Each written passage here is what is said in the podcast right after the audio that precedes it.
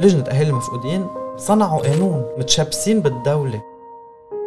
توصل إنه قضية المخفيين قصرا كانت القضية الوحيدة اللي بتربط هيدا المجتمع بقبل سنتين لبعد سنتين شو صار فيها هيدي البلد. عن جد قضية المفقودين والمخفيين قسرا هو مثل عبرة لكل حدا بده يكون عم بيغير بده يكون عم بيظبط الوضع. بضل موضوع كشف المصير هو من أكثر الأشياء المرجحة أنها تريح العائلات. من أهم الأمور لنقدر نكسر زيادة السلطة والهالة تبع الطبقة الحاكمة نتطلع بالحرب وجها لوجه.